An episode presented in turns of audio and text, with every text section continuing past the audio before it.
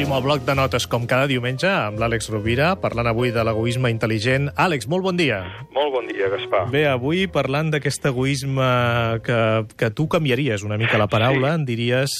eh, Perquè dius, egoisme no és l'amor per un mateix. Llavors, Sí. què és?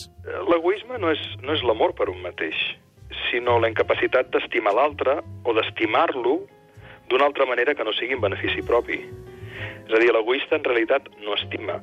Per això, per mi, eh, evidentment, egoisme intel·ligent és una contradicció de termes, però no, no, no, no és adequat. Jo crec que hauríem de parlar d'un amor propi intel·ligent. La intel·ligència està en defensar la dignitat, però també està en defensar el compromís, perquè moltes vegades s'utilitza l'egoisme intel·ligent com una excusa per defugir les responsabilitats i els compromisos.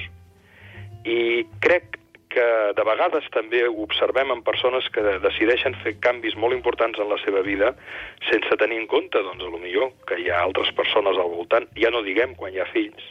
I això no és egoisme intel·ligent, això són penques, irresponsabilitat i inconsciència.